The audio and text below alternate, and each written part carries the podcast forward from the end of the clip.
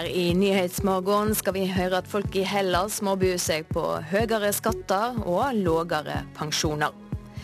Stortingsbygningen er 150 år denne våren. I dag blir det feira med fest for skoleelever og åpehus. Stortingspresidenten kommer straks i studio til oss.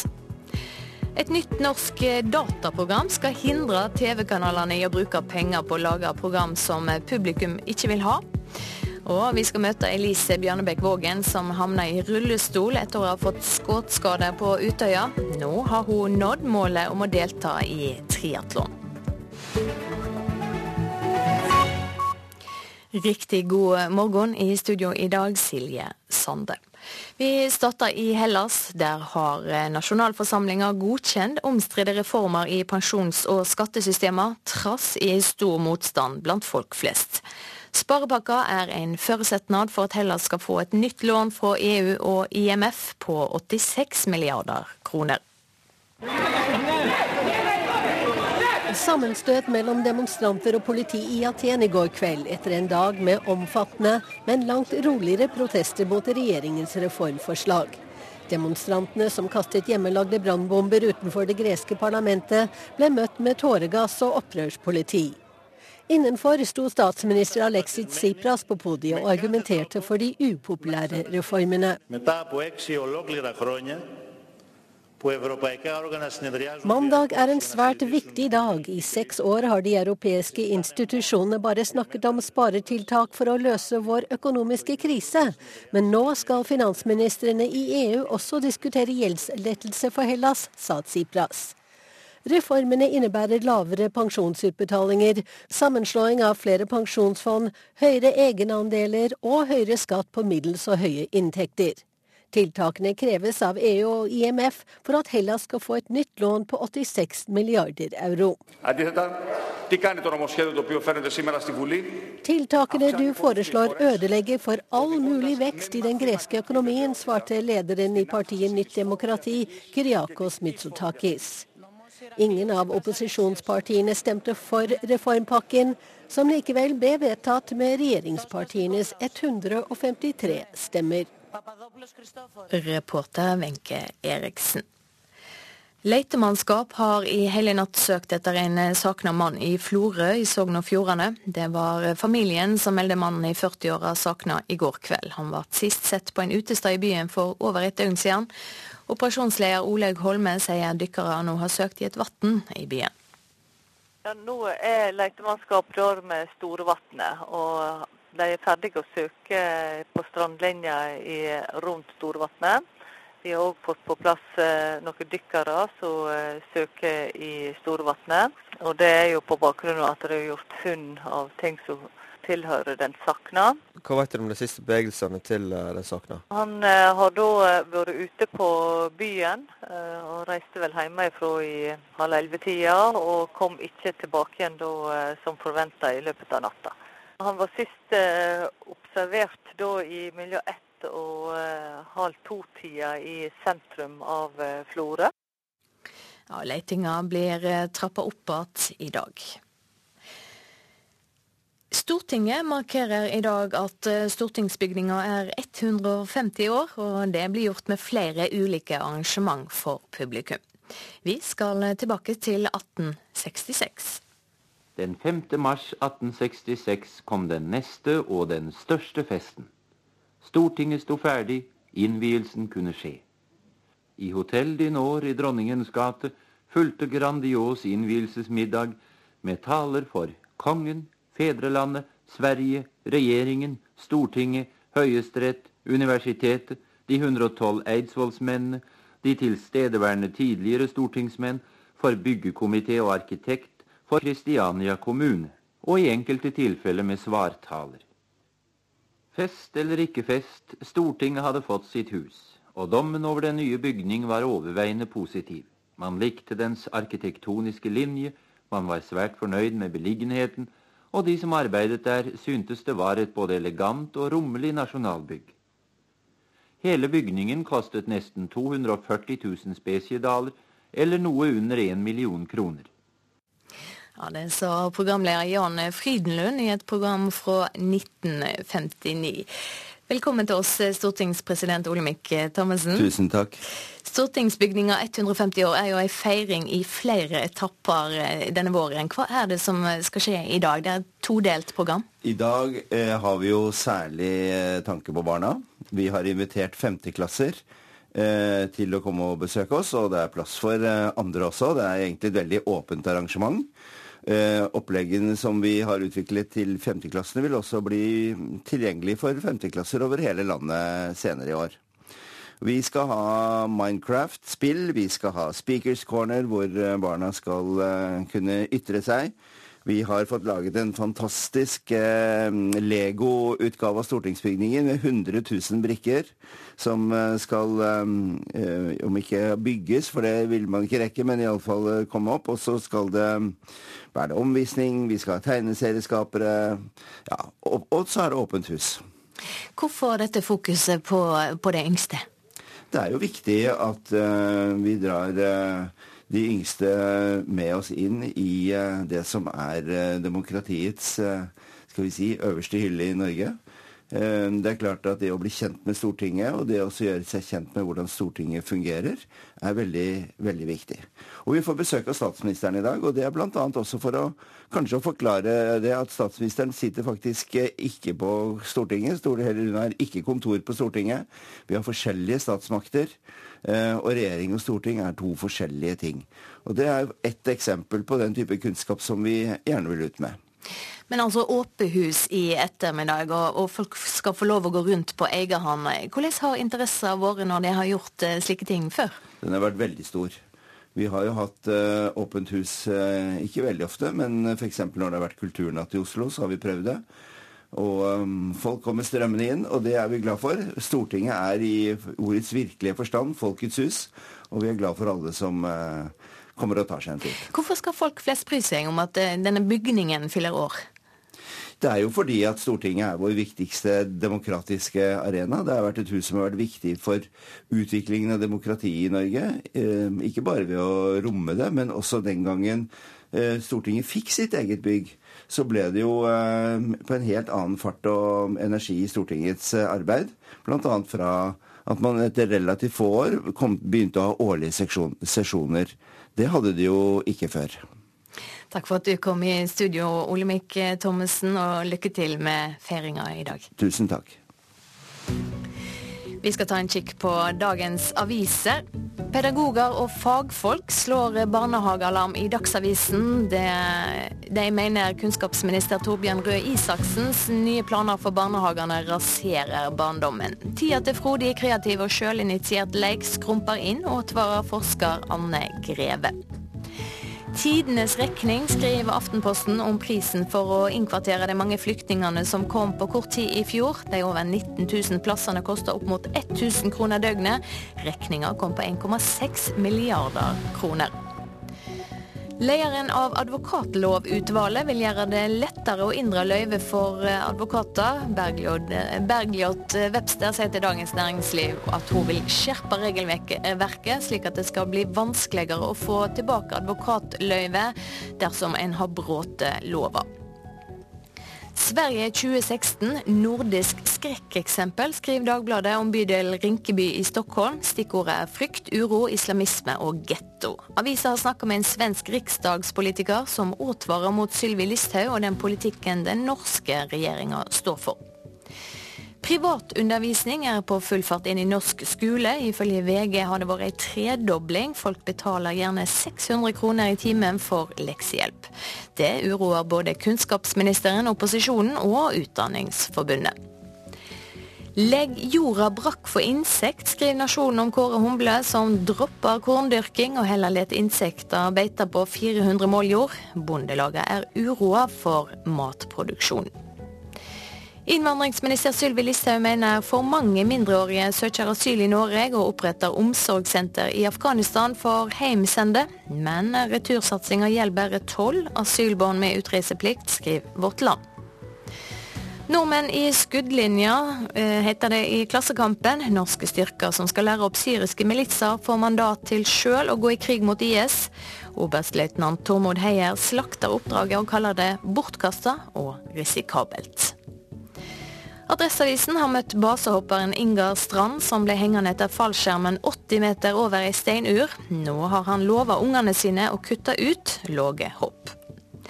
Og nå tar hyttesalet helt av for Triell Fedrelandsvenn. 283 sjøeiendommer er til salgs i Agderfylka. Ifølge meklerne er kjøperviljen større enn på lenge. Da skal vi ha sport, og høre at gårsdagens viktige siger mot Sveits gjør at kvartfinaledrømmen fremdeles lever for de norske ishockeygutta. Nå ser landslagstrener Roy Johansen litt mer positivt på veien videre i VM.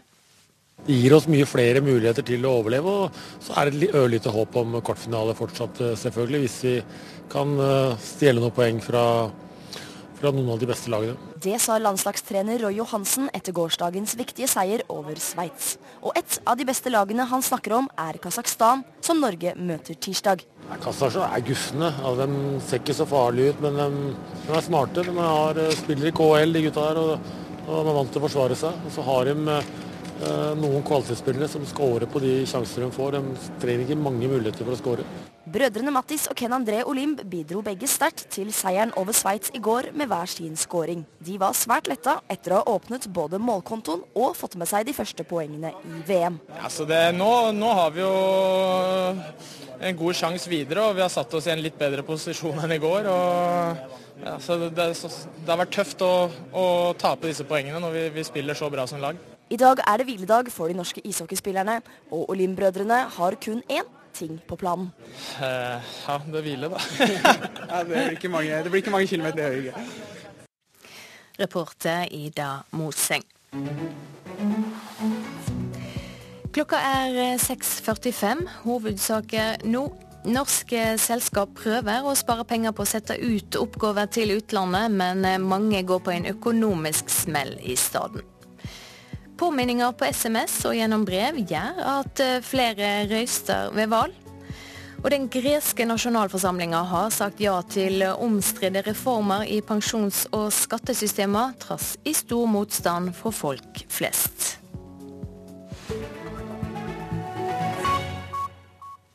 Før vi går videre, tar vi med at vi har litt tekniske problemer i dag, så dersom det skurrer på radioen din, så er det ikke radioen som er problemet. Det blir jobba med å rette opp saka. Så skal vi høre at flere kvinner enn menn er ute i god tid når de skal kjøpe reiser. Det syner en internasjonal undersøking. Både bedrifter og private kan spare store summer på å være tidlig ute med billettbestillingene. Ja, damene er flinkere. De bestiller i snitt to dager før gutta. Og det gjør jo at eh, de stort sett reiser ganske mye billigere enn det gutta gjør. Det forteller administrerende direktør Per Arne Villadsen i Berg-Hansen reisebyrå. Bakgrunnen for hans konklusjon er resultatene fra en undersøkelse basert på 1,8 millioner reisende som var gjennomført av Berg-Hansens internasjonale partnere. Ved bestilling av billetter til bedrifter kan kvinners handlemåte føre til at det spares mye penger. Ja, Ved å bestille minst tre eller fire dager før avreise, så får du tilgang på billigere billetter. Det er billetttyper som fjernes rett før avgang. Eh, for da tenker flyselskapene at de som bestiller nå, de må reise uansett. Ja, Fort vekk så er det jo snakk om kanskje 20-30% i besparelser, hvis man er flink til å planlegge. Dvs. Si, kjøpe billetter minst fire dager i forveien.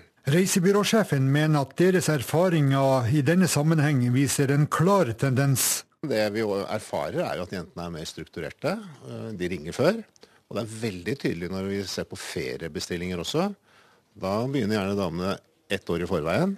Da er det bare damer som bestiller ferier. Og så før jul så er det nesten bare damer som bestiller ferie. Neste bolk, som er etter påske, da er det mest menn. Og de som skal kjøpe ferie to uker før de skal reise, det er bare menn. Så jentene sparer familiene for mye penger ved å være gode på planlegginga. På gata i Oslo møter vi Benedikte Kristiansen, hun sier at hun er flink å bestille billetter tidlig. Nei, det er jo meg det, da. Liker veldig godt å reise og lete meg frem til de beste prisene. Jeg syns at eh, det er rett og rimelig. Vi har kontroll på det meste. Arve Sundli og Katrine Brekstad deler på bestillinga av ulike typer billetter. Eh, fruen bestiller reiser, bestiller hotell. Da får eh, jeg fly når jeg vil, og så får han sove hvor han vil. Undersøkelser viser at kvinnene er de som bestiller lengst i forveien og planlegger best, og eh, bestiller de billigste reisene. Hvordan kjenner dere igjen det?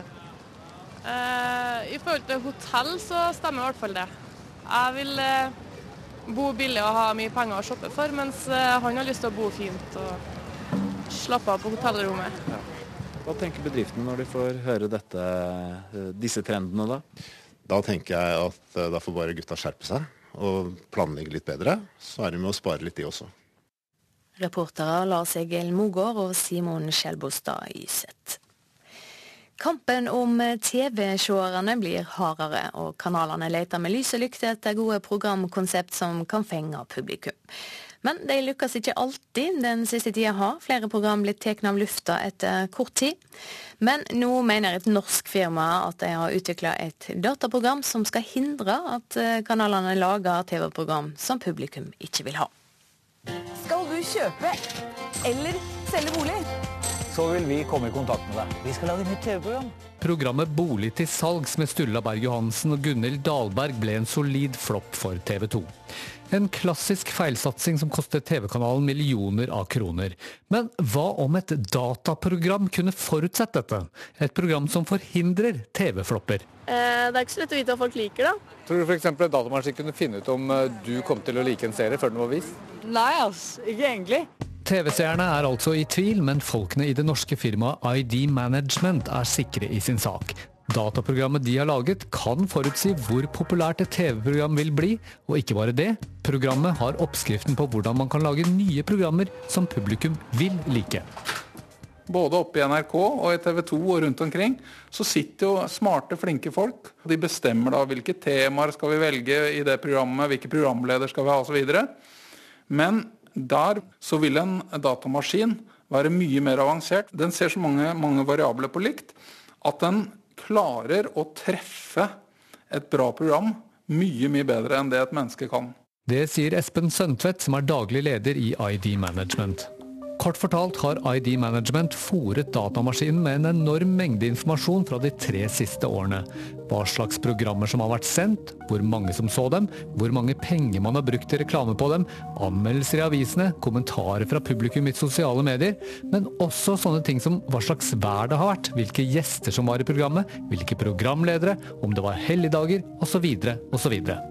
Til slutt så ender man altså med en enkel oversikt, grønne og røde bokser, som viser hvorfor folk likte eller ikke likte programmet. Og når man vet hva som gir suksess, kan man lage nye programmer som blir enda mer populære.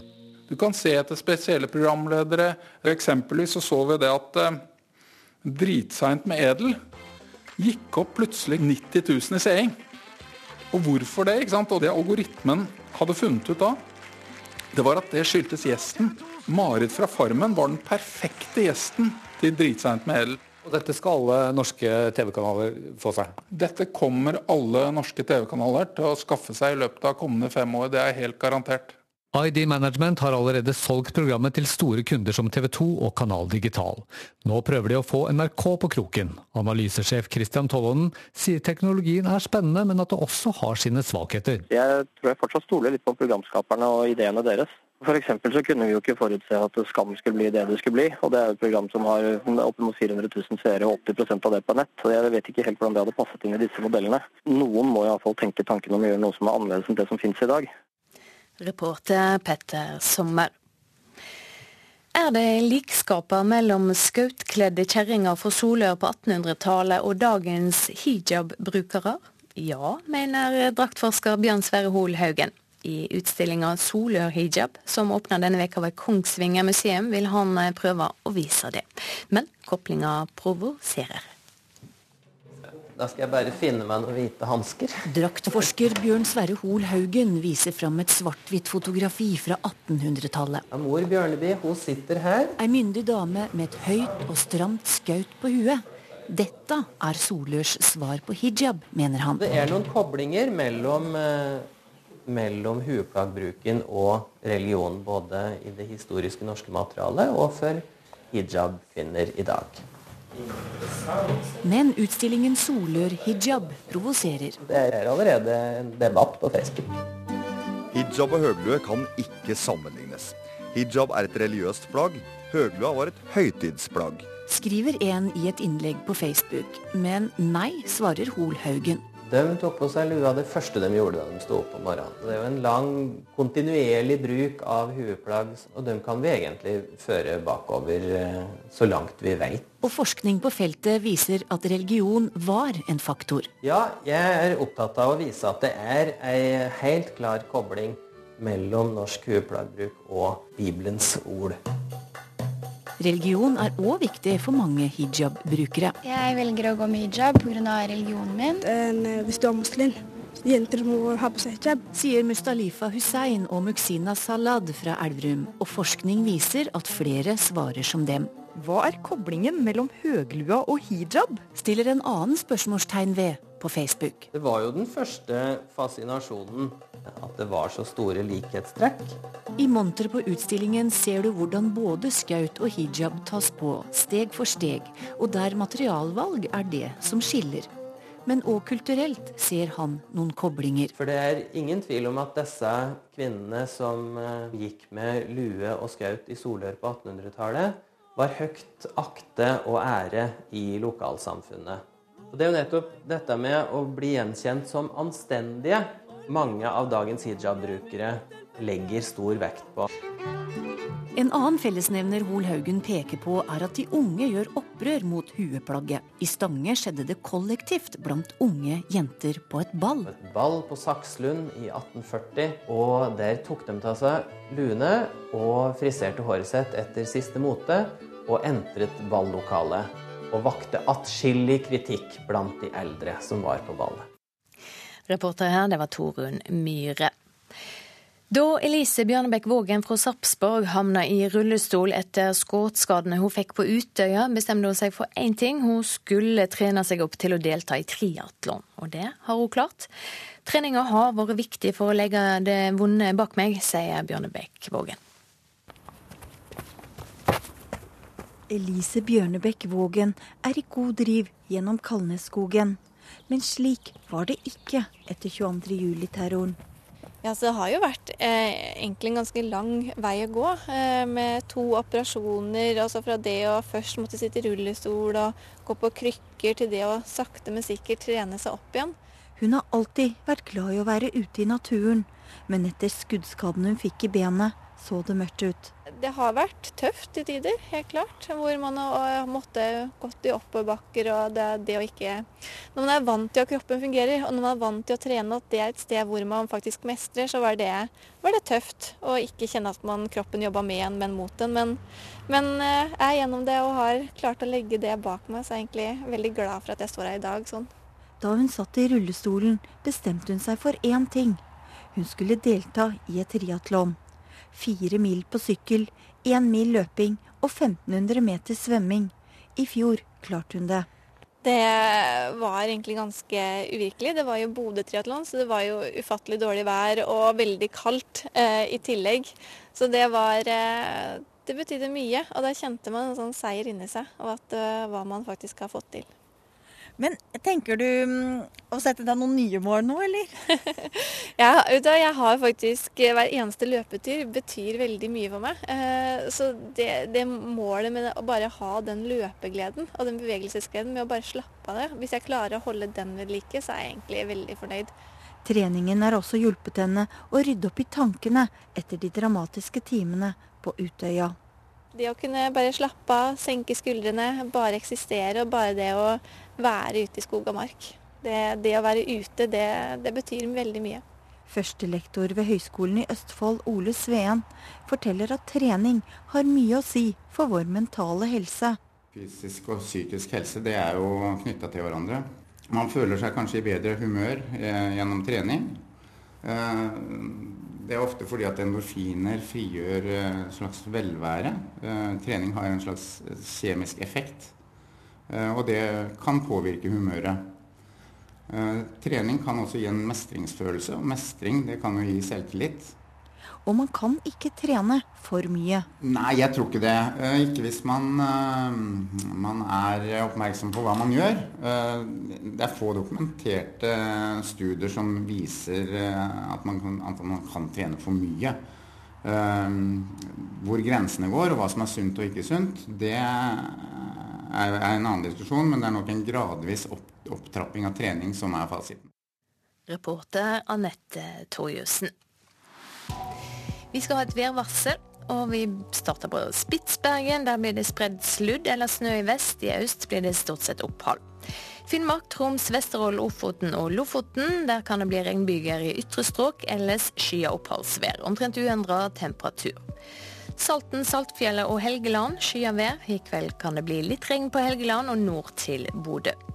Trøndelag og Møre og Romsdal til dels fint vær og sommerlige temperaturer i indre strøk. På kysten blir det varmere enn i går. I ettermiddag kan hende lokale regnbyger i indre strøk sør i Trøndelag, med skyer lengst nord.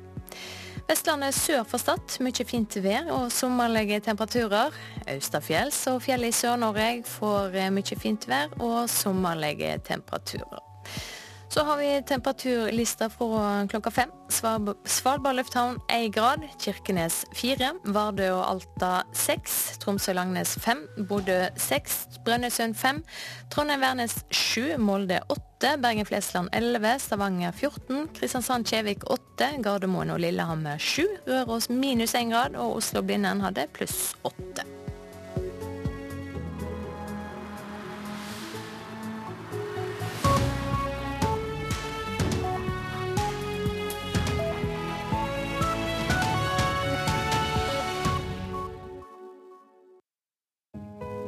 Er jo selvsagt for at vi skal kritisere hverandre. Det er sånn vi kommer videre, og alt det der.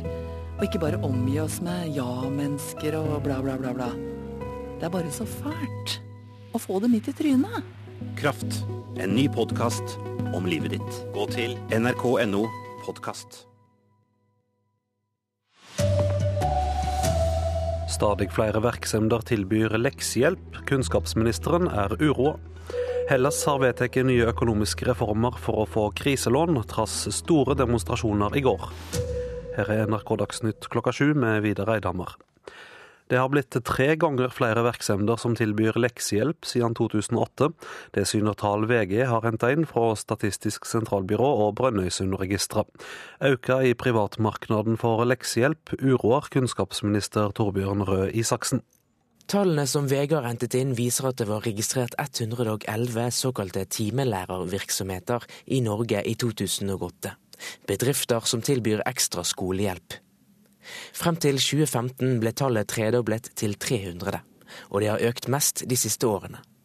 Siden 2013 har det blitt opprettet 100 nye virksomheter hvert år. Alle elever skal få fullverdig utdannelse i den offentlige skolen. Det er et problem hvis foreldrene mener skolen ikke holder god nok kvalitet, sier kunnskapsminister Torbjørn Røe Isaksen til avisen. Også Utdanningsforbundet er bekymret. De mener utviklingen undergraver ambisjonen om at alle skal gis like muligheter i den norske skolen. Sa reporter Eirik Tufteland Kroken. Den greske nasjonalforsamlinga har godkjent omstridte reformer i pensjons- og skattesystemer, trass i stor motstand blant folk flest. Sparepakka er en føresetnad for at Hellas skal få et nytt lån fra EU og Det internasjonale pengefondet på 86 milliarder kroner. Sammenstøt mellom demonstranter og politi i Aten i går kveld, etter en dag med omfattende, men langt roligere protester mot regjeringens reformforslag. Reformene innebærer lavere pensjonsutbetalinger, sammenslåing av flere pensjonsfond, høyere egenandeler og høyere skatt på middels og høye inntekter. Tiltakene kreves av EU og IMF for at Hellas skal få et nytt lån på 86 milliarder euro. Ingen av opposisjonspartiene stemte for reformpakken, som likevel ble vedtatt med regjeringspartienes 153 stemmer. Reporter Wenche Eriksen. Helseforetakene skal tilby mer medisinfri behandling i psykiatrien fra høsten. Dette er et eh, krav fra Helse- og omsorgsdepartementet. Daglig leder i Mental Helse Telemark, Gild Arild, er glad for at det blir mindre medisinbruk, men peker på at noen fremdeles kommer til å trenge medisiner.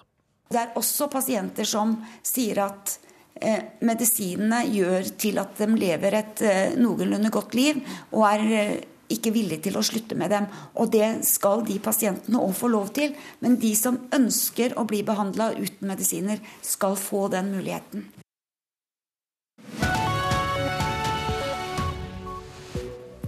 Her i Nyhetsmorgen skal vi høre om et norsk firma som eh, tapte penger på å sette ut IT-utvikling til India. Ulik arbeidskultur og avstand skapte trøbbel, og vi skal snakke om hva fallgruve bedriftene må passe seg for.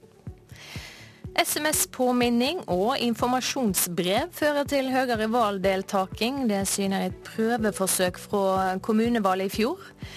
Og presidentvalget på Filippinene er i gang. Favoritten til å vinne der blir omtalt som det asiatiske landets svar på Donald Trump.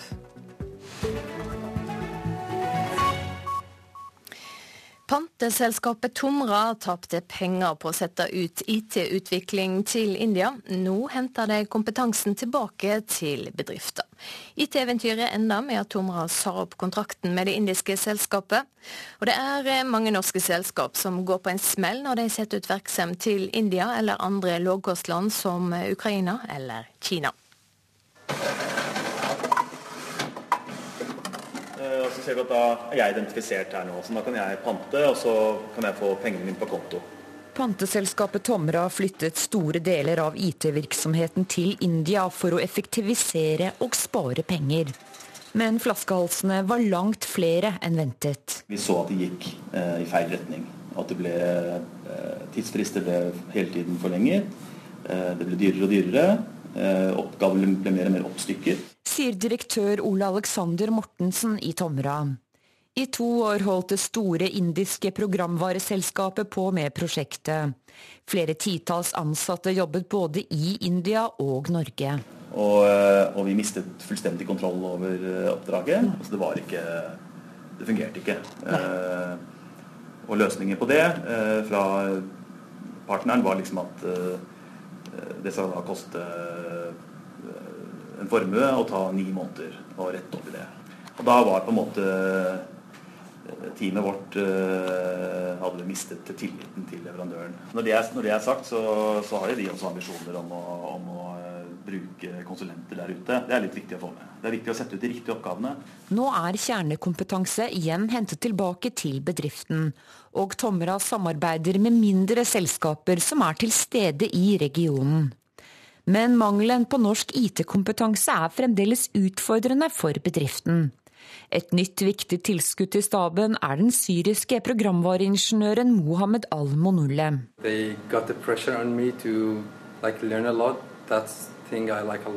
Vi har eh, ansatte nå fra, eh, fra Syria, fra Ungarn, fra Tyskland, både utenlandsk arbeidskraft og eksterne samarbeidspartnere er fremdeles helt avgjørende for Tomras drift. En ting er jo at man, man sier at uh, man ikke bør la utenlandske selskaper ta norske IT-arbeidsplasser, men problemet er faktisk at det ikke er lett å finne gode IT-utviklere i Norge heller. Daglig leder i samarbeidspartner Vivende, Steinar Koffelt, sier de har flere kunder som har brent seg på å sette bort for mye av virksomheten.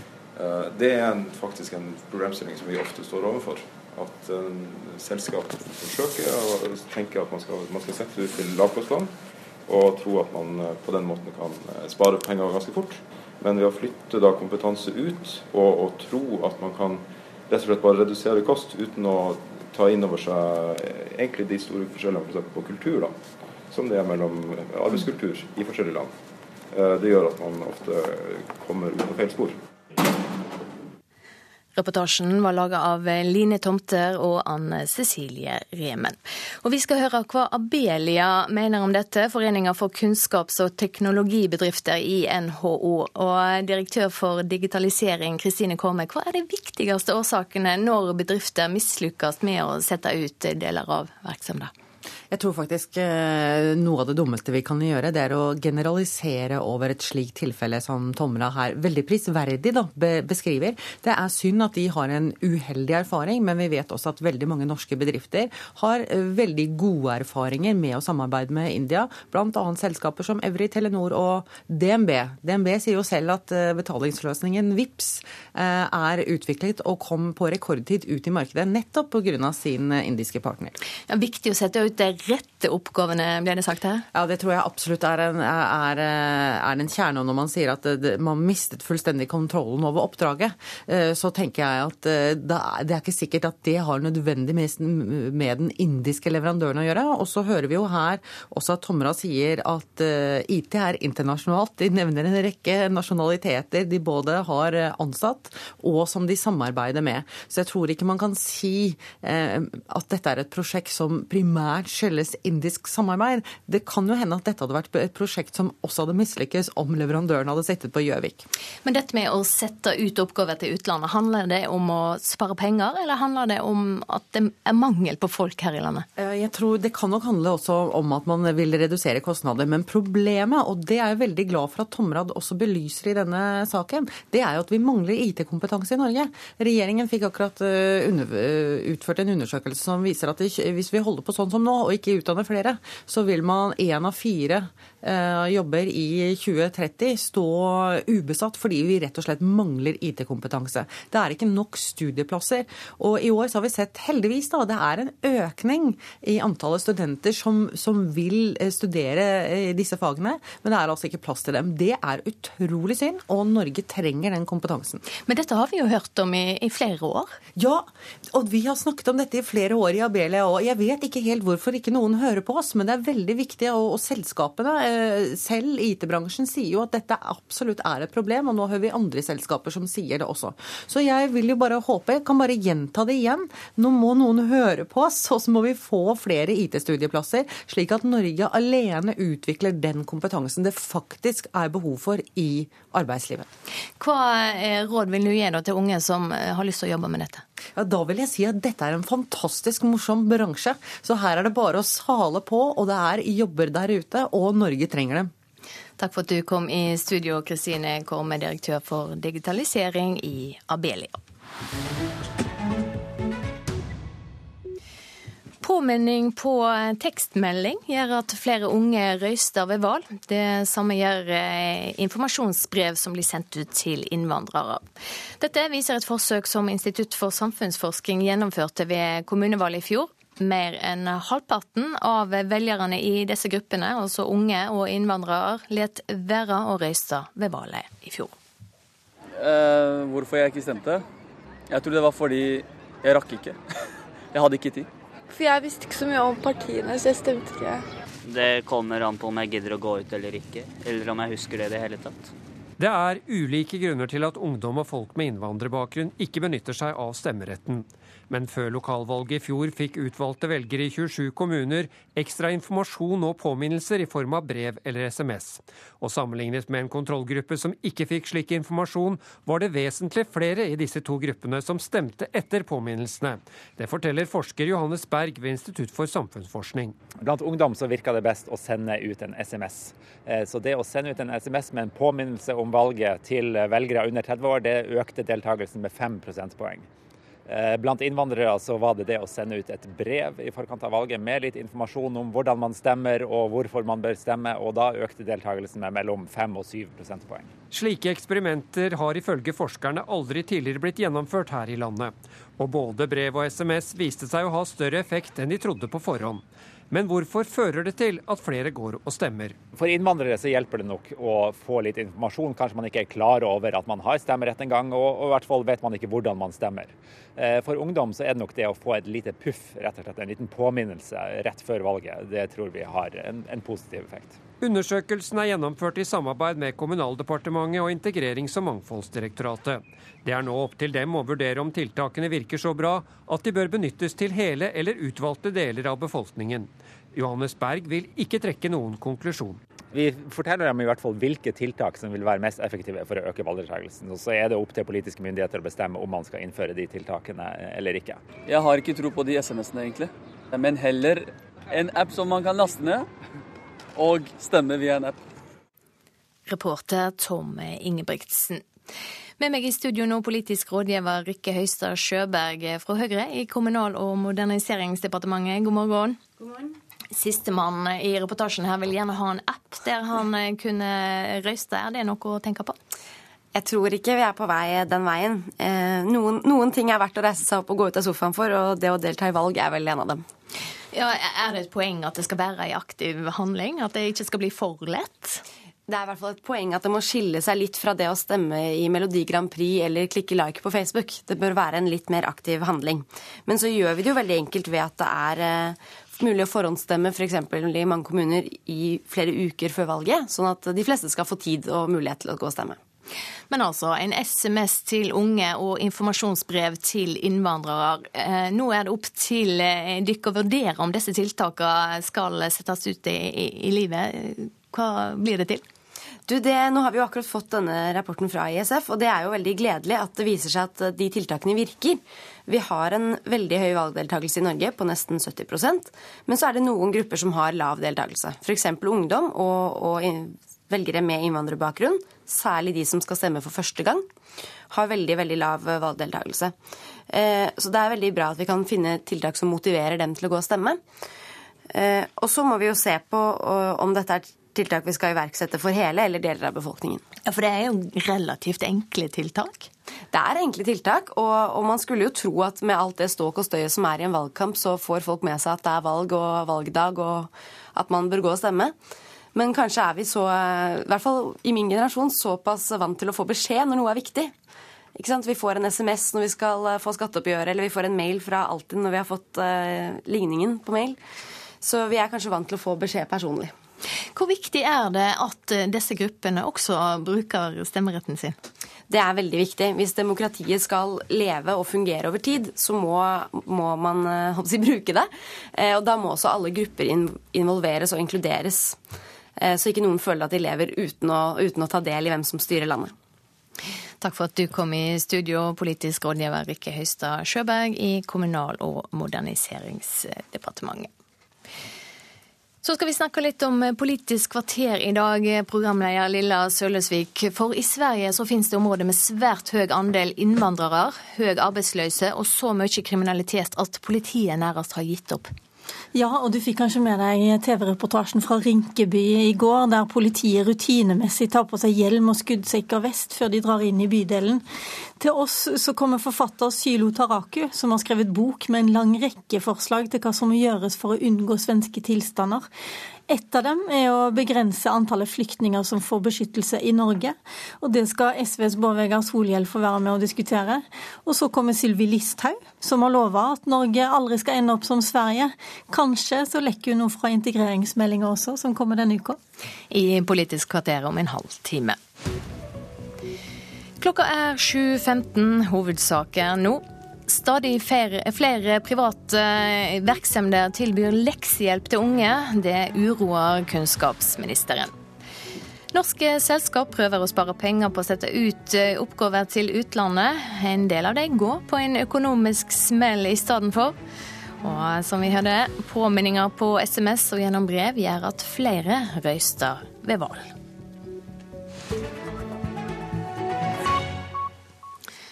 Så skal vi til Filippinene, der presidentvalget er i gang. Og det er venta høy deltaking mellom de over 50 millioner som har røysterett.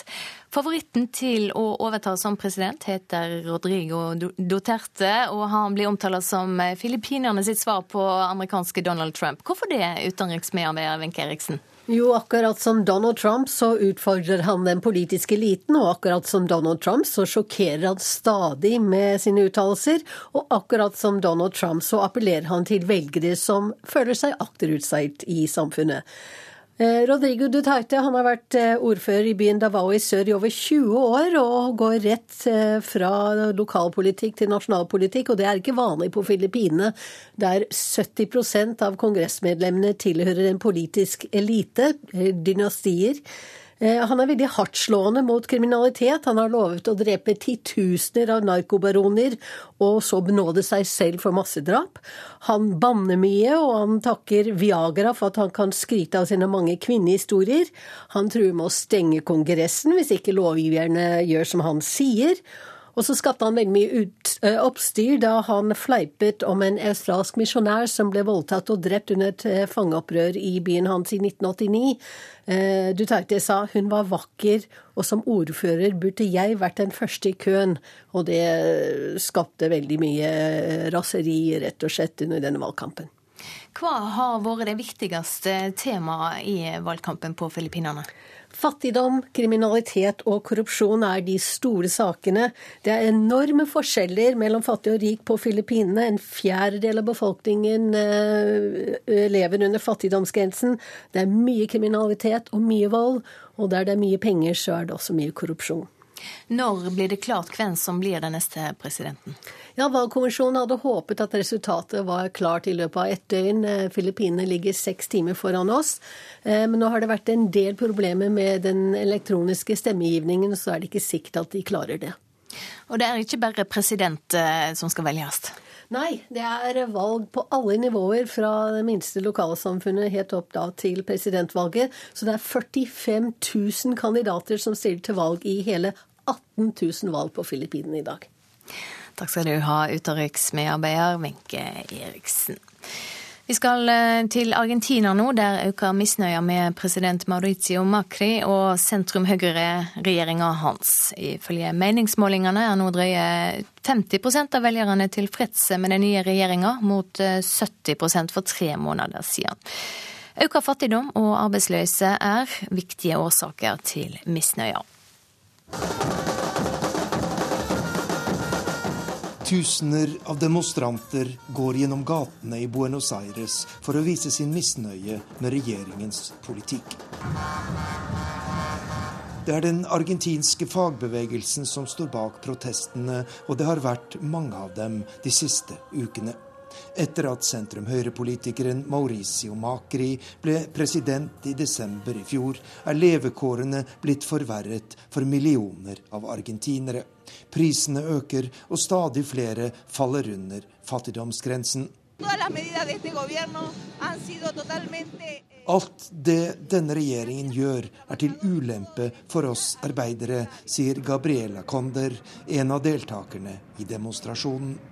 Det er bare forretningsfolk som har fordel av endringene som blir satt i verk, sier hun.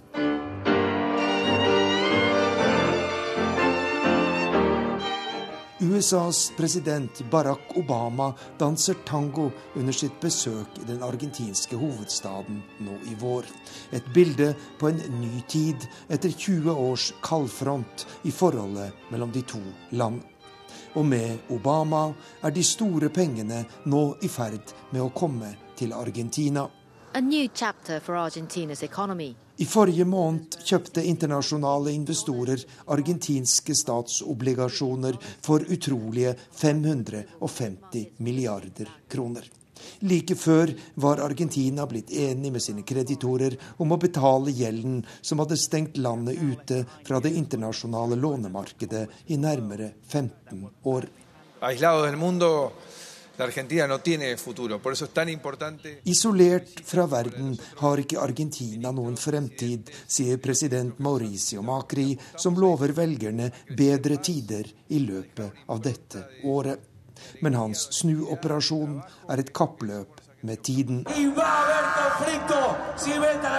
Misnøyen øker for hver dag i det kriserammede Argentina, samtidig som landet er blitt det internasjonale finansmarkedets nye yndling.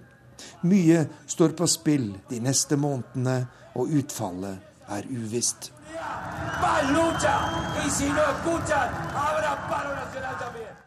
Reporter Arnt Stefansen. En BBC-journalist er arrestert i Nord-Korea. Det dreier seg om korrespondenten Rupert Wingfield Hayes, og det er ventet at han blir utvist fra landet innen kort tid. Wingfield Hayes var i Nord-Korea for å dekke den store partikongressen til kommunistpartiet der. Ifølge CNN ble han arrestert for å ha gitt ei feil framstilling av den nordkoreanske lederen Kim Jong-un. Altså, jeg er vant til å konkurrere fra før, så det tror jeg går greit.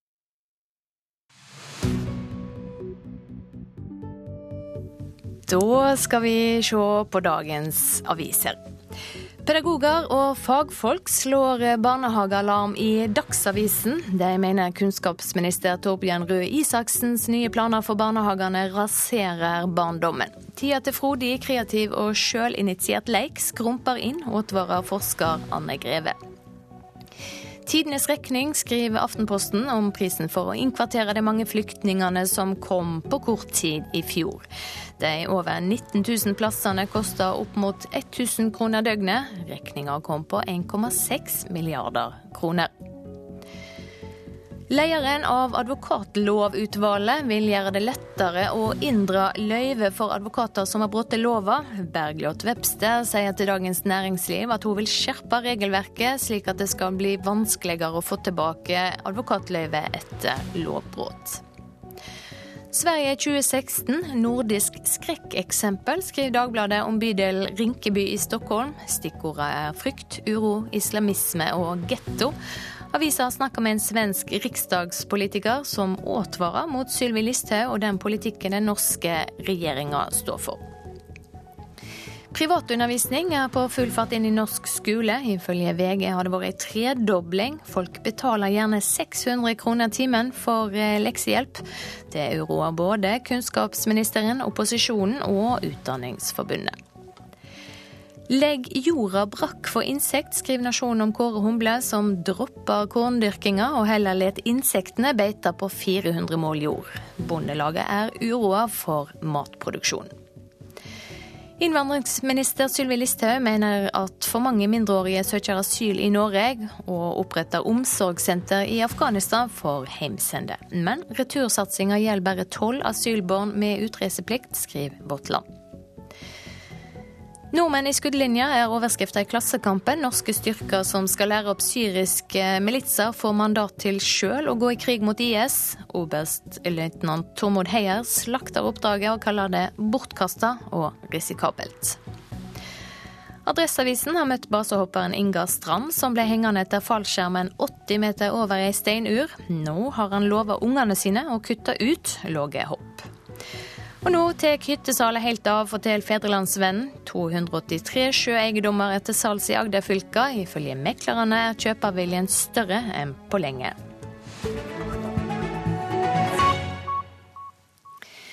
Norges toppidrettsgymnas i Kongsvinger starter ungdomsskole til høsten. Mange vil gå der, men det er bare plass til 32 elever. Derfor må elevene velges ut gjennom fysiske tester, der de beste får plass på skolen til høsten. Jeg er vant til å konkurrere fra før, så det tror jeg går greit. Men nå er det ganske viktig for meg, da. Så jeg er litt ekstra spent. Erik Solbjørg er tolv år og skal konkurrere om en plass for å komme inn på ungdomsskolen. For til høsten starter Norges toppidrettsgymnas i Kongsvinger for første gang ungdomsskole. Men det er bare plass til 32 elever, og nesten dobbelt så mange har søkt. Fysiske tester skal avgjøre hvem som kommer med. Jeg trent mye og jobbet hardt, egentlig. Når vi hørte at uh, dette kom til å bli et tilbud, så var han klar med en gang på at uh, han hadde lyst til å gå på denne skolen. Så da var det vel, uh, så lenge vi har muligheten til det, så syns vi vi skal støtte ham i det. Det sier pappaen til Erik, Stig Solbjørg. Daglig leder ved NTG Kongsvinger, Åge Steen, er godt fornøyd med søkerantallet til den nye ungdomsskolen. Vi har jo vært veldig spente ettersom det er første gangen og noe nystartende. Eh, men det har vært søkning over all forventning, så vi, vi, vi er jo veldig glad for det. Mange jenter hadde også møtt fram for å kjempe seg til en plass på den nye ungdomsskolen. Tolv år gamle Marie Tue Humberstad er en av dem. Jeg har litt konkurranseinstinkt, da, så altså, er det litt mer spennende enn å liksom bare komme rett inn. Og man kan få liksom vise hva man er god til og sånn. Nå skal søkerne testes i utholdenhet, styrke, hurtighet, spenst og koordinasjon. Og da kjører vi i gang sånn. Og da er vi i gang, og da piper det. Og da er det rundt her sånn. Over hekken og under hekken. Både Marie og Erik klarer øvelsene bra. Bra. Ja, det gikk rett. Hva har vært det vanskeligste til nå? Det har vært chins, egentlig. Og, eller stille lengde. Det er ikke vanlig med tester for å komme inn på grunnskoler, sier Kristina Mendicino Grønli, fungerende avdelingsdirektør i Utdanningsdirektoratet. Det er kun en type skole som har eh, fokus på idrett, som har muligheten til det i dag. Hovedregelen er at eh, den enkelte friskolen skal være åpen for alle elever som oppfyller kravene til inntak i offentlig skole, og at det kun er ved oversøking at skolen har mulighet til å prioritere basert på saklige, objektive og etterprøvbare kriterier. Men hun utelukker ikke at det kommer flere typer skoler i framtida som kan teste elevene på ulike måter. Erik og Marie har gjort unna det meste av testingen de må igjennom. Bare én test igjen. 3000 meter. Ja, heia, heia! Det er bra, dette klarer dere! Hvordan har du det nå? Veldig sliten. Hvordan eh, har det vært eh, disse siste timene? Veldig slitsomt og hardt. Den slutta hard, for å si det sånn. Men det var greit ellers. Morsomt. Ja, Vi møtte Erik Solbjørg og, og Marie Tue Homborstad, eh, som etter å ha venta i spenning nå har fått melding, begge to, om at de har fått en plass ved Norges toppidrettsgymnas sin ungdomsskole til høsten. Reporter her, det var Ann-Kristin Moe. I reportasjen etter Dagsnytt om vel ti minutter skal vi til den vestlige tropeøya Guam. Øya hører til USA, men folk får likevel ikke røysta ved presidentvalget der. Politisk kvarter handler om parallelle samfunn i Sverige, områder der politiet ikke har noe de skulle ha sagt. Temaet hva som blir gjort for å hindre at slike oppstår her i landet. Produsent for Nyhetsmorgen i dag, det er Ingvild Ryssdal. Her i studio, Silje Sande.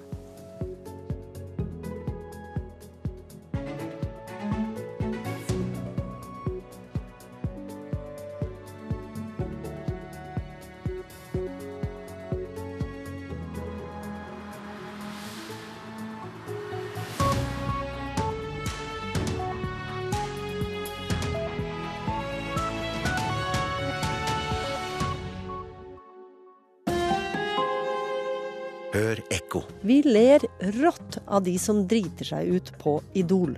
Vi sorterer bort sykdom, og vi dyrker enerne våre.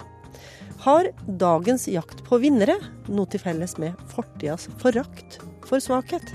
Ekko 9 til 11 i NRK P2.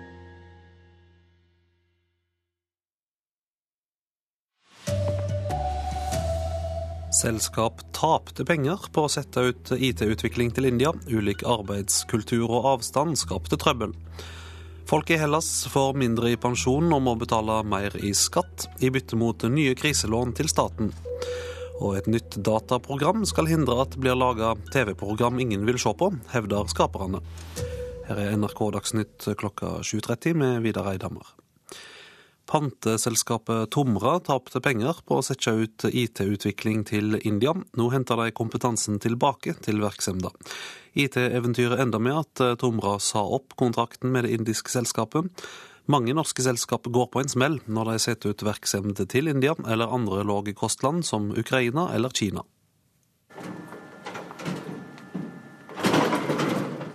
Panteselskapet Tomra flyttet store deler av IT-virksomheten til India for å effektivisere og spare penger. Men flaskehalsene var langt flere enn ventet. Vi så at det gikk eh, i feil retning. At det ble eh, tidsfrister ble hele tiden forlenget. Eh, det ble dyrere og dyrere. Eh, oppgaven ble mer og mer oppstykket, og vi mistet fullstendig kontroll over eh, oppdraget. Sier direktør Ole Alexander Mortensen i Tomra. I to år holdt det store indiske programvareselskapet på med prosjektet. Flere titalls ansatte jobbet både i India og Norge. Det fungerte ikke. Eh, og løsningen på det eh, fra partneren var liksom at eh, det skal da koste en formue å ta ni måneder å rette opp i det. Kontrakten med inderne ble avsluttet. I stedet ble kjernekompetanse igjen hentet tilbake til bedriften. Og Tomra samarbeider nå med mindre selskaper som er til stede i regionen. Og vi ser at vi nå ved å jobbe med ekstremt gode, spesialiserte selskaper og ved å få tak i virkelig gode ansatte i Norge, har kommet mye lenger allerede nå enn vi gjorde på den, på den tiden vi holdt på. Reportere Line Tomter og Anne Cecilie Remen. Det har blitt tre ganger flere virksomheter som tilbyr leksehjelp siden 2008. Det syner tall VG har henta inn fra Statistisk sentralbyrå og Brønnøysundregisteret. Auka i privatmarkedet for leksehjelp uroer kunnskapsminister Torbjørn Røe Isaksen. Tallene som VG har hentet inn, viser at det var registrert 111 såkalte timelærervirksomheter i Norge i 2008. Bedrifter som tilbyr ekstra skolehjelp. Frem til 2015 ble tallet tredoblet til 300, og det har økt mest de siste årene. Siden 2013 har det blitt opprettet 100 nye virksomheter hvert år. Alle elever skal få fullverdig utdannelse i den offentlige skolen. Det er et problem hvis foreldrene mener skolen ikke holder god nok kvalitet, sier kunnskapsminister Torbjørn Røe Isaksen til avisen. Også Utdanningsforbundet er bekymret. De mener utviklingen undergraver ambisjonen om at alle skal gis like muligheter i den norske skolen. Reporter Eirik Tufteland Kroken. Den greske nasjonalforsamlinga har godkjent omstridte reformer i pensjons- og skattesystemet, trass stor motstand blant folk flest. Sparepakka er en forutsetnad for at Hellas skal få et nytt lån fra EU og Det internasjonale pengefondet på 86 milliarder euro. Sammenstøt mellom demonstranter og politi i Aten i går kveld, etter en dag med omfattende, men langt roligere protester mot regjeringens reformforslag. Demonstrantene som kastet hjemmelagde brannbomber utenfor det greske parlamentet, ble møtt med tåregass og opprørspoliti. Innenfor sto statsminister Alexis Tsipras på podiet og argumenterte for de upopulære reformene. Mandag er en svært viktig dag. I seks år har de europeiske institusjonene bare snakket om sparetiltak for å løse vår økonomiske krise. Men nå skal finansministrene i EU også diskutere gjeldslettelse for Hellas, sa Tsipras. Reformene innebærer lavere pensjonsutbetalinger, sammenslåing av flere pensjonsfond, høyere egenandeler og høyere skatt på middels og høye inntekter. Tiltakene kreves av EU og IMF for at Hellas skal få et nytt lån på 86 milliarder euro. Tiltakene du foreslår ødelegger for all mulig vekst i den greske økonomien, svarte lederen i partiet Nytt demokrati, Kyriakos Mitsotakis. Ingen av opposisjonspartiene stemte for reformpakken, som likevel ble vedtatt med regjeringspartienes 153 stemmer. Reporter, Wenche Eriksen. Påminning på SMS gjør at eh, flere unge røyster ved valg. Det samme gjør informasjonsbrev til innvandrere. Det syner et forsøk Institutt for samfunnsforsking gjennomførte ved kommunevalget i fjor. Mer enn halvparten av velgerne i disse gruppene lot være å røyste ved valget i fjor. Hvorfor jeg ikke stemte? Jeg tror det var fordi jeg rakk ikke. Jeg hadde ikke tid. For jeg visste ikke så mye om partiene, så jeg stemte ikke. Det kommer an på om jeg gidder å gå ut eller ikke, eller om jeg husker det i det hele tatt. Det er ulike grunner til at ungdom og folk med innvandrerbakgrunn ikke benytter seg av stemmeretten. Men før lokalvalget i fjor fikk utvalgte velgere i 27 kommuner ekstra informasjon og påminnelser i form av brev eller SMS. Og sammenlignet med en kontrollgruppe som ikke fikk slik informasjon, var det vesentlig flere i disse to gruppene som stemte etter påminnelsene. Det forteller forsker Johannes Berg ved Institutt for samfunnsforskning. Blant ungdom så virker det best å sende ut en SMS. Eh, så det å sende ut en SMS med en påminnelse om valget til velgere under 30 år, det økte deltakelsen med 5 prosentpoeng. Eh, blant innvandrere så var det det å sende ut et brev i forkant av valget med litt informasjon om hvordan man stemmer og hvorfor man bør stemme, og da økte deltakelsen med mellom 5 og 7 prosentpoeng.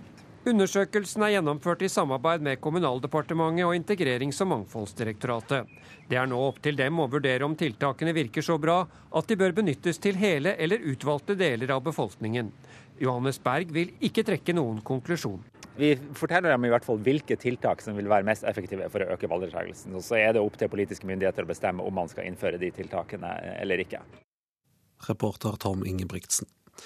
Kampen om TV-seerne blir hardere, og den siste tida er det flere program som har blitt tatt av lufta etter kort tid. Men nå hevder et norsk firma å ha utvikla et dataprogram som hindrer at det blir lagd TV-program folk ikke liker.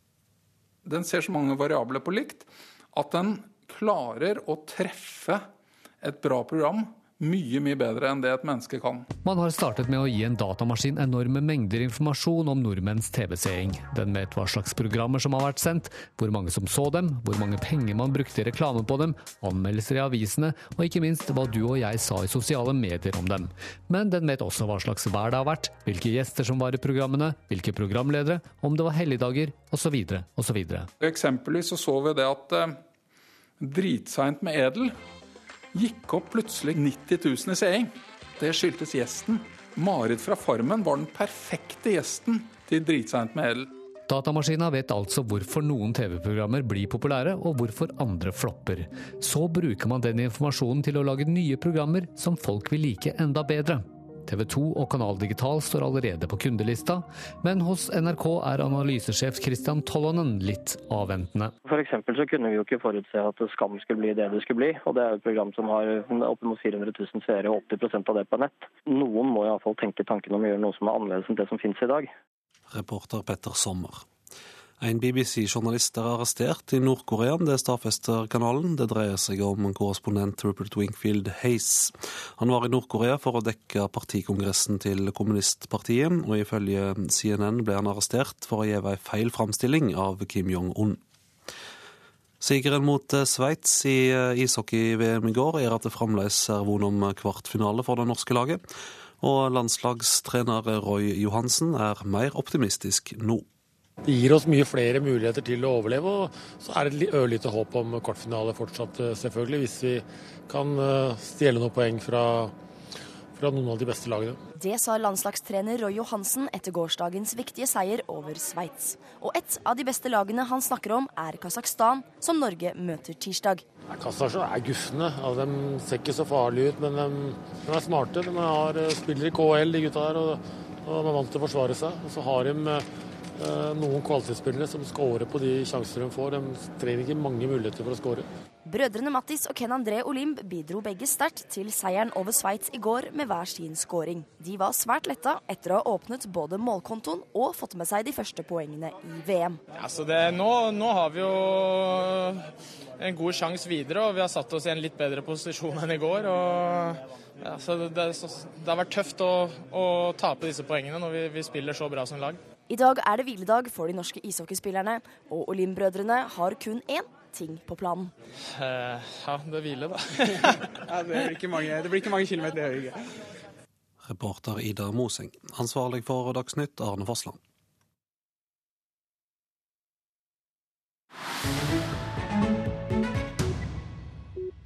Her i Nyhetsmorgen skal det nok en gang dreie seg om det amerikanske presidentvalget om nøyaktig et halvt år. For i helga vant Hillary Clinton demokraterne sitt primærvalg på Guam. Og de som ikke skjønner hva Guam har med USA å gjøre, må følge med nå. Welcome to Guam, where America's day begins. Den amerikanske dagen begynner på Guam, den lille romantiske og idylliske tropeøya helt vest i Stillehavet. De 160 000 innbyggerne på Guam ligger 14 timer foran Washington og hele 20 timer foran Hawaii. Guam er bare en fjerdedel av Vestfold i størrelse, men forsøker å selge seg inn som den amerikanske porten til Asia, øst for Filippinene og sør for Japan. Its location makes it a natural gateway to Asia, America, Australia, and the rest of the Pacific Islands.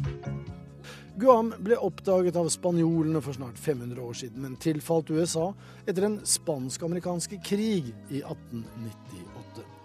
Guam er først og fremst en fremskutt militærbase for amerikanernes interesser i Asia, og spilte en viktig rolle under Vietnamkrigen, under Koreakrigen og ikke minst under annen verdenskrig, da japanerne angrep Guam samtidig med at de bombet Pearl Harbor, og USA led sitt første nederlag i annen verdenskrig, før de i det hele tatt var med i krigen. It is the first American territory to fall to the Japanese in World War II. Det helt spesielle med Guam er at innbyggerne kan delta i primærvalgene, som i helgen, og være med på å bestemme hvem som skal være USAs presidentkandidater. Men siden de ikke bor i en av de 50 statene, kan de ikke stemme ved presidentvalget, som en av dem forklarer på YouTube. We may not be able to vote for the President of the United States, but Guam does play a role in who gets their party's nomination. Rent politisk har de heller ikke så mye de skulle ha sagt. Siden 1973 har de riktignok vært til stede i Kongressen. De sender en folkevalgt til Representantenes hus med tale- og forslagsrett, men ikke med stemmerett. I likhet med Puerto Rico, de nordlige marianerne, amerikansk Samoa og Jomfrøyene er Guam et territorium, med de begrensninger det har for innbyggerne. De siste 15 årene er det Madeleine Bordello som har representert Guam. This is Madeline Bordallo, and I approve this message. Guam er en stillehavsøy, slik vi liker å tro at de er, med palmer og strender, irrgrønt vann og eksotiske fisker. Det er gode forhold for surfing og dykking, men shopping og golf virker også forlokkende på asiatiske turister. Samtidig så er det en viss resignasjon blant innbyggerne. De føler at Washington DC, 13 000 km borte, ikke bryr seg om dem, noe de to demokratiske kandidatene for så vidt demonstrerte i helgen. For ingen av dem besøkte tropeidyllen i forbindelse med primærvalget. De var opptatt med å drive valgkamp på viktigere beitemarker. Og for the record, som det gjerne heter, Hillary Clinton fikk nærmere 60% av stemmene i det demokratiske caucus på Guam, hvilket ga henne fire av de syv mandatene mot tre til Bernie Sanders, hvilket bringer Hillary Clinton enda ett mandat nærmere nominasjonen enn motstanderen. Adios.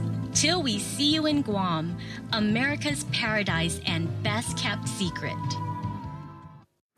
Ja, det var reporter Joa Hoel Larsen som lærte oss om valgsystemet på Guam.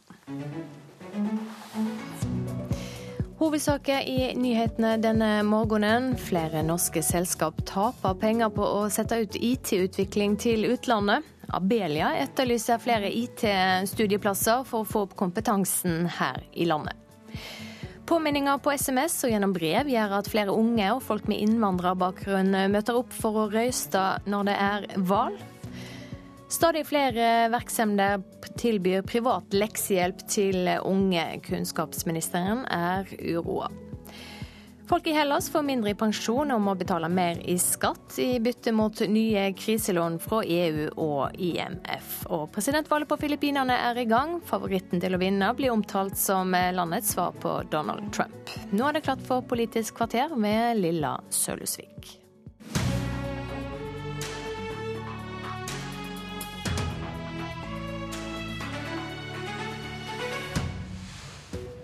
Rinkeby, Tenstad og Husby. I Sverige fins områder der politiet vegrer seg mot å gå inn.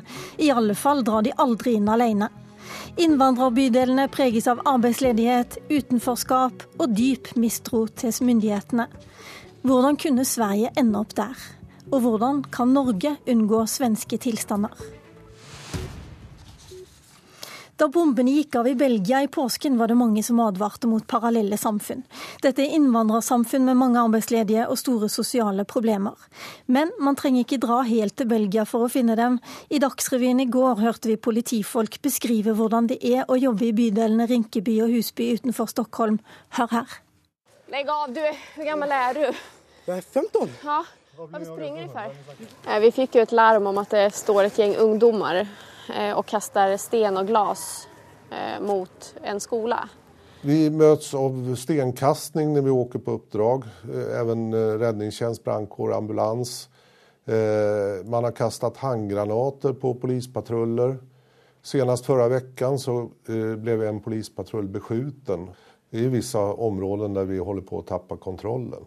Jeg har skyddsväst på meg. Det måste man ha. Og jeg skulle aldri åke ut uten skyddsvästen på meg. I det här området er det veldig mye polisfishing. At man ringer inn et larm for å få inn polisen i området, og sen så ligger man i bakhåll og kastar sten. Hvorfor det? Man er missnöjd med samhället og vi representerer samfunnet. Ja, det var Biljana Flyvbjerg, politibetjent som alltid er iført hjelm og skuddsikker vest. Vi hørte også politiinspektør Lars Alvarsjø i Stockholmspolitiet. Sylo Tarako, du er aktuell med boka 'Innvandringsrealisme', og du har selv vært i disse bydelene der du faktisk ble kasta ut sjøl. Hvordan skal Norge unngå å ende opp som dette? Eh, tre ting er viktig. For det første må vi ha spredt bosetting av flyktninger for å unngå segregering. For det andre må vi ha en kontrollert og begrenset innvandring. Og for det tredje så må vi ha bedre integreringstiltak for å hindre utenforskap. Kontrollert og begrensa innvandring, hva mener du med det? Eh, det jeg tar til orde for, er et nytt flyktningregime eh, som gjør det vanskeligere å komme ulovlig til Europa, men lettere å komme som kvoteflyktning. Slik at vi kan kontrollere både omfanget og eh, sammensetning av, av, flyktninger vi tar imot. Du nevner at eh, politikken skal ta over for jussen, og at eh, maks 10 000 i året er det Norge kan klare å ta imot? Eh, jeg setter ikke en eh, grense for, for alltid, men jeg tenker eh, det, må, det avhenger av arbeidsmarkedssituasjonen vi har og flere andre faktorer. Men, men tusenvis årlig er håndterbart titusener årlig blir veldig vanskelig. For vi har ikke jobber å tilby dem. Og når det kommer mange menn, og vi har ikke jobber til dem, så, så kan, fort, kan, vi fort komme til eh, situasjonen som, som, de har i, i Sverige. Bård Vegar Solhjell, du sitter i utenrikskomiteen for SV. og eh, Dere var ikke med på det asylforliket eh, i fjor høst. Dere har sagt nei til mange av innstrammingene. Er det mulig å få til en god integrering av flyktninger når det kommer så mange som du ser i Sverige, men også i Norge siste året? Nei, jeg tror Hvis vi fikk så mange som Sverige over tid, så ville det bli veldig vanskelig med god integrering. Og så mange i, som vi fikk i Norge i fjor, hvis det ble fast over tid. Hvorfor sier du da nei til å begrense antallet? Fordi vi har hatt mye færre enn det i Norge over år. F.eks. det antallet Sylo Taraku her sier, er omtrent det vi har hatt per år det siste ti året i Norge, når SV satt i regjering og styrte politikken, altså før eh, innstrammingene. Og det har vist seg håndterbart. Og den viktigste grunnen til det er at det er tross alt andre ting enn innvandringspolitikken som er det mest avgjørende for å unngå parallellsamfunn. Hvis du ser på de byene i Europa som har det, så har det land med ganske ulik innvandringspolitikk, men så har det til felles at de har ført dårlig integreringspolitikk. Men er ikke Derfor... dette litt sånn der å håpe på at det ikke kommer flere av verdens forfulgte og plukke ut Norge? Nei, vi, Norge fører en ganske streng innvandringspolitikk. Og derfor eh, er det i det, fle, i, i det fleste år sånn at det ikke kommer veldig mange flyktninger og asylsøkere. Men vi håndterer det òg når det kom i fjor 30, litt over 30 000. Det klarer vi hvis vi fører en god politikk. Og da er det arbeid, eh, utdanning til flest mulig. At vi styrer bosettinga. Hindrer eh, at veldig mange bosetter seg i samme område med stor arbeidsløshet, som Taraku sier. Men òg at vi fortsetter å være et sekulært samfunn. At vi ikke lar det utvikle seg parallelle religiøse samfunn med egne normer som får styre. Sylo Tarako, du kom jo med den store innvandringsbølgen, på en måte, eller flyktningbølgen på 90-tallet. Du er jo sjøl et godt eksempel på en flyktning som er kjempebra integrert. Du har jobber, hatt jobber i UDI, jobba i NOAS, og nå jobber du i Tankesmien Agenda. Hva tilsier at ikke de flyktningene som kommer nå, skal ende opp like vellykka som deg sjøl? Altså, vi har eh, bedre integrering i Norge enn i Sverige. Eh, for eh, for der har de hatt eh, så, så mange. De har ikke, det har vært nødløsninger hele tiden. Eh, hvis du tenker på i fjor, når det kom mange, så, så var UDI eh, veldig opptatt av å plassere dem der, de, der, det var mulig. Og vi hadde ikke, så mye kapasitet til å, til å følge dem opp. Så alt, alt blir tregere. Registrering, intervjuing, saksbehandling, bosetting i kommune og sånt. Og det, den passifiseringen er, er, veldig skadelig for integrering. Jeg kom i gang veldig fort med arbeidet. Begynte Allerede når jeg var i asylmottak, så begynte jeg å jobbe. Og, og, eh, jeg, jeg tenk, men den gangen hadde jeg lov faktisk å jobbe som asylsøker. Eh, og hvis jeg ikke gjorde det, så hadde det, det, det hadde kanskje ikke gått så bra. Så jeg er også opptatt av at integreringsprosessen starter tidligst mulig, allerede mens folk er på mottak. For sitter de tre år der, så blir avstanden enda lengre til arbeidsmarkedet. Og nå sitter du her i studio og gløtter bort på innvandrings- og integreringsminister Sylvi Listhaug.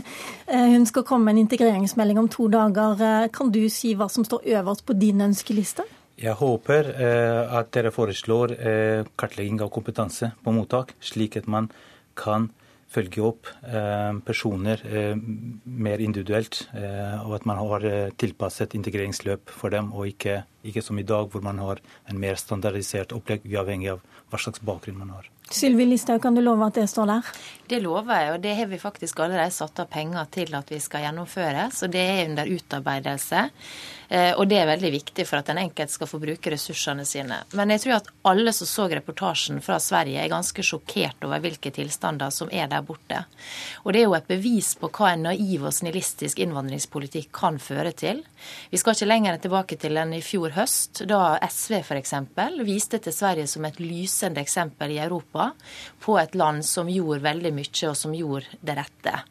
Så viser det jo seg det at under her så er det store problem. Jeg vet at også Karina Andersen har tatt til orde for sjølbosetting, nemlig at folk kan flytte dit de ønsker. Som er en av hovedgrunnene til de problemene som er i Sverige. Fordi du får en utrolig stor opphopning av personer på ett sted med innvandrerbakgrunn, som gjør at det utvikler seg parallelle samfunn. Okay, og jeg er helt enig, hvis jeg, kan, hvis jeg bare kan ta én ting til, for jeg er helt enig med Syli Taroku om at det viktigste av alt, det er hvor mange som kommer til Norge. Derfor er vår viktigste oppgave for å, for å lykkes med integreringa, det er å holde antallet framover nede.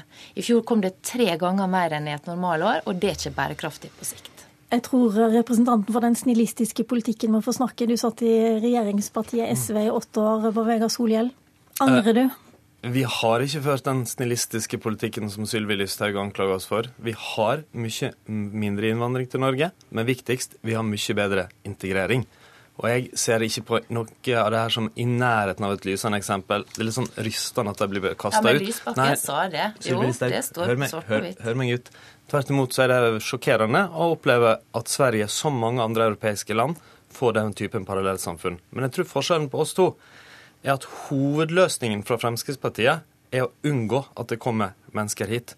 Hovedløsningen for SV er å sørge for så god integrering at det fungerer likevel. Og det er veldig vanskelig å være et godt vertskap hvis man egentlig ikke vil ha besøk. Og det tror jeg er Fremskrittspartiets problem. Mange av de tingene vi bør gjøre i integreringspolitikken, nå skjer ikke. Asylsøkere får ikke rett på barnehageplass. Det er ikke muligheten til å begynne å jobbe, sånn som Sylo Toraku benytta seg når han kom hit tidlig. Det er ikke stramma inn overfor trossamfunn, sånn at religiøse trossamfunn eh, kan kontrolleres bedre, og vi kan følge etter det som skjer der.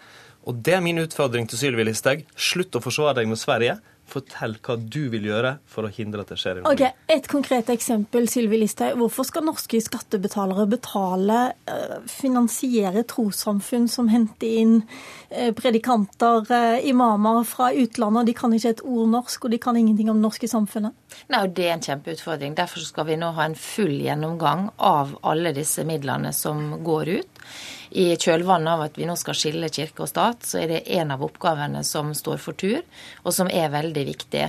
Men det, det som er... Ja, Hva betyr det? Hva sier du nå egentlig? Nei, Det er at vi skal ha en gjennomgang. Vi bruker veldig mye penger på dette. Jeg er helt enig med En gjennomgang, men skal det være lov å komme som imam i, Norge, i Norge og ikke kunne et ord norsk? Og være hoved... Jo, vi er jo bl.a. i eh, integreringsforliket enige om at vi skal se på dette med imamutdanning i Norge, f.eks. Det er en av de tingene vi skal vurdere. Det handler om at de som skal inn i norske moskeer, bør faktisk vite litt om det samfunnet de er i. De bør eh, kunne norsk, eh, og det bør settes krav til dem. Men så vil jeg bare si det, at det er altså antallet som er det aller viktigste. Derfor så er det jo det litt sånn hult når eh, Solbak... Solhjell sier det at det, de ikke vil være med på innstrammingene, men samtidig så sier han at det er viktig hvor mange som kommer. Jeg tror vi skal komme videre på denne, for jeg har lyst til å høre litt mer med Sylo Tarako. Du begynte som SV-medlem. Nå er du medlem i Arbeiderpartiet.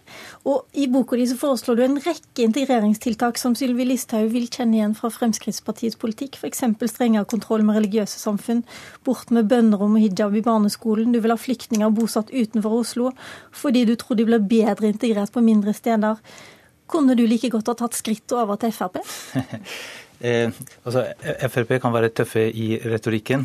Men de følger ikke nødvendigvis opp med tiltak. Dette med barnehijab, som du nevner der, det var faktisk SV, som, Oslo SV som tok initiativet i 2009 og som LIM, den organisasjonen jeg eh, var, var med i, eh, fulgte opp eh, og, og, sendte faktisk forslag til tiltak til alle politiske partier.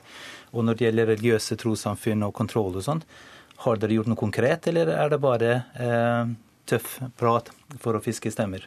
Altså, det er jo et arbeid som nå skal pågå framover og gjennomgå dette. Det tar jo alltid litt tid å, å gjøre det. Men så til hijab, så er det jo sånn at Fremskrittspartiet har jo en, mange ganger fremma forslag om å forby det. Men Nå det sitter bare, du i regjering? Ja, men det er det bare Fremskrittspartiet som har stått for. Eh, sånn at det er jo en utfordring da at flere partier faktisk må være med oss eh, på det, dersom man skal få, få gjort noe med det. Er du med på det, Solhjell? Bare... bare ta det eh, barnehijaben først. Jeg, jeg har sett på um, hovedinnholdet i boka til Sylo Taraku, og det et tankegods som jeg ikke kjenner meg igjen som fremskrittspartisk, men snarere som litt sånn klassisk arbeiderbevegelse. Gjør din plikt, krev din rett. Og jeg er enig i mye av hovedinnholdet der, men ikke alle detaljer. Og ta et eksempel. Eh, bønnerom på videregående skole. Det er ingen grunn til at vi skal la religion spille en så viktig rolle i barns liv at man skal ha egne bønnerom for ulike religioner. Jeg kunne tenke meg å utfordre Sylvi Listhaug på om hun er villig til å gjøre noe med det eh, nå. Ja, jeg mener det er spesielt at man skal ha bønnerom på skoler, f.eks. Eh, det, det syns jeg er merkelig. Men jeg vil bare si en ting. Ja, Det syns du er merkelig, men nå har du faktisk regjeringsmakt og kan gjøre noe med det? Ja, og vi jobber nå med, gjennom integreringsmeldinga, og vi vil følge opp videre. Det er jo Kulturdepartementet som er ansvaret for det som har det religiøse å gjøre. Eh, sånn at det kommer vi til å, å samarbeide om. Når det blir snakk om trossamfunn og bønnerom nå, så, så snakker du om gjennomganger og skyver unna. Jeg syns den gjennomgangstonen nå at Sylvi Listhaug hele tida svarer at innvandringspolitikken altså, er viktigst, men skyver ting som dreier seg om integrering, unna. Og Hvis jeg får ta et annet eksempel, men, som òg Sylo Taraku snakka om, nemlig integrering fra dag én. Han mm. kunne begynne å jobbe. Barnehageplass fra dag én. Det er de tingene som er avgjørende for at folk kan komme i gang med livet sine. Men altså, heldigvis så har SV styrt veldig lite av dette området her. Ellers hadde vi hatt svenske tilstander i Norge. Ja, det er det som er sannheten. Dere støtter åtte år. Men nå sitter du der. Jobb fra dag én, er det noe du kan være villig til å diskutere? Nå skal vi legge fram meldinga på onsdag. Vi kommer til å komme med nye grep. Altså Det med integrering handler også om egeninnsats. I altfor mange år har alle snakka om at vi må legge til rette, vi må legge til rette, nærmest som politikere kan vedta at folk blir integrert. Men da må folk få muligheten til å jobbe. Derfor så må det stilles mye mer krav. Det, og det er SV ved motstander av i alle år, dessverre. Men eh, vi kommer med mange nye krav i denne integreringsmeldingen. Jeg tror ikke vi kommer så veldig mye lenger på den debatten, rett og slett. I hvert fall ikke foreløpig, men om to dager kommer integreringsmeldingen. Takk til deg, Sylo Tarako. Takk til Bård Vegar Solhjell, og takk til Sylvi Listhaug. Programleder i dag var Lilla Sølhusvik, og Politisk kvarter kan du høre når som helst på podkast. Det er bare å laste oss ned.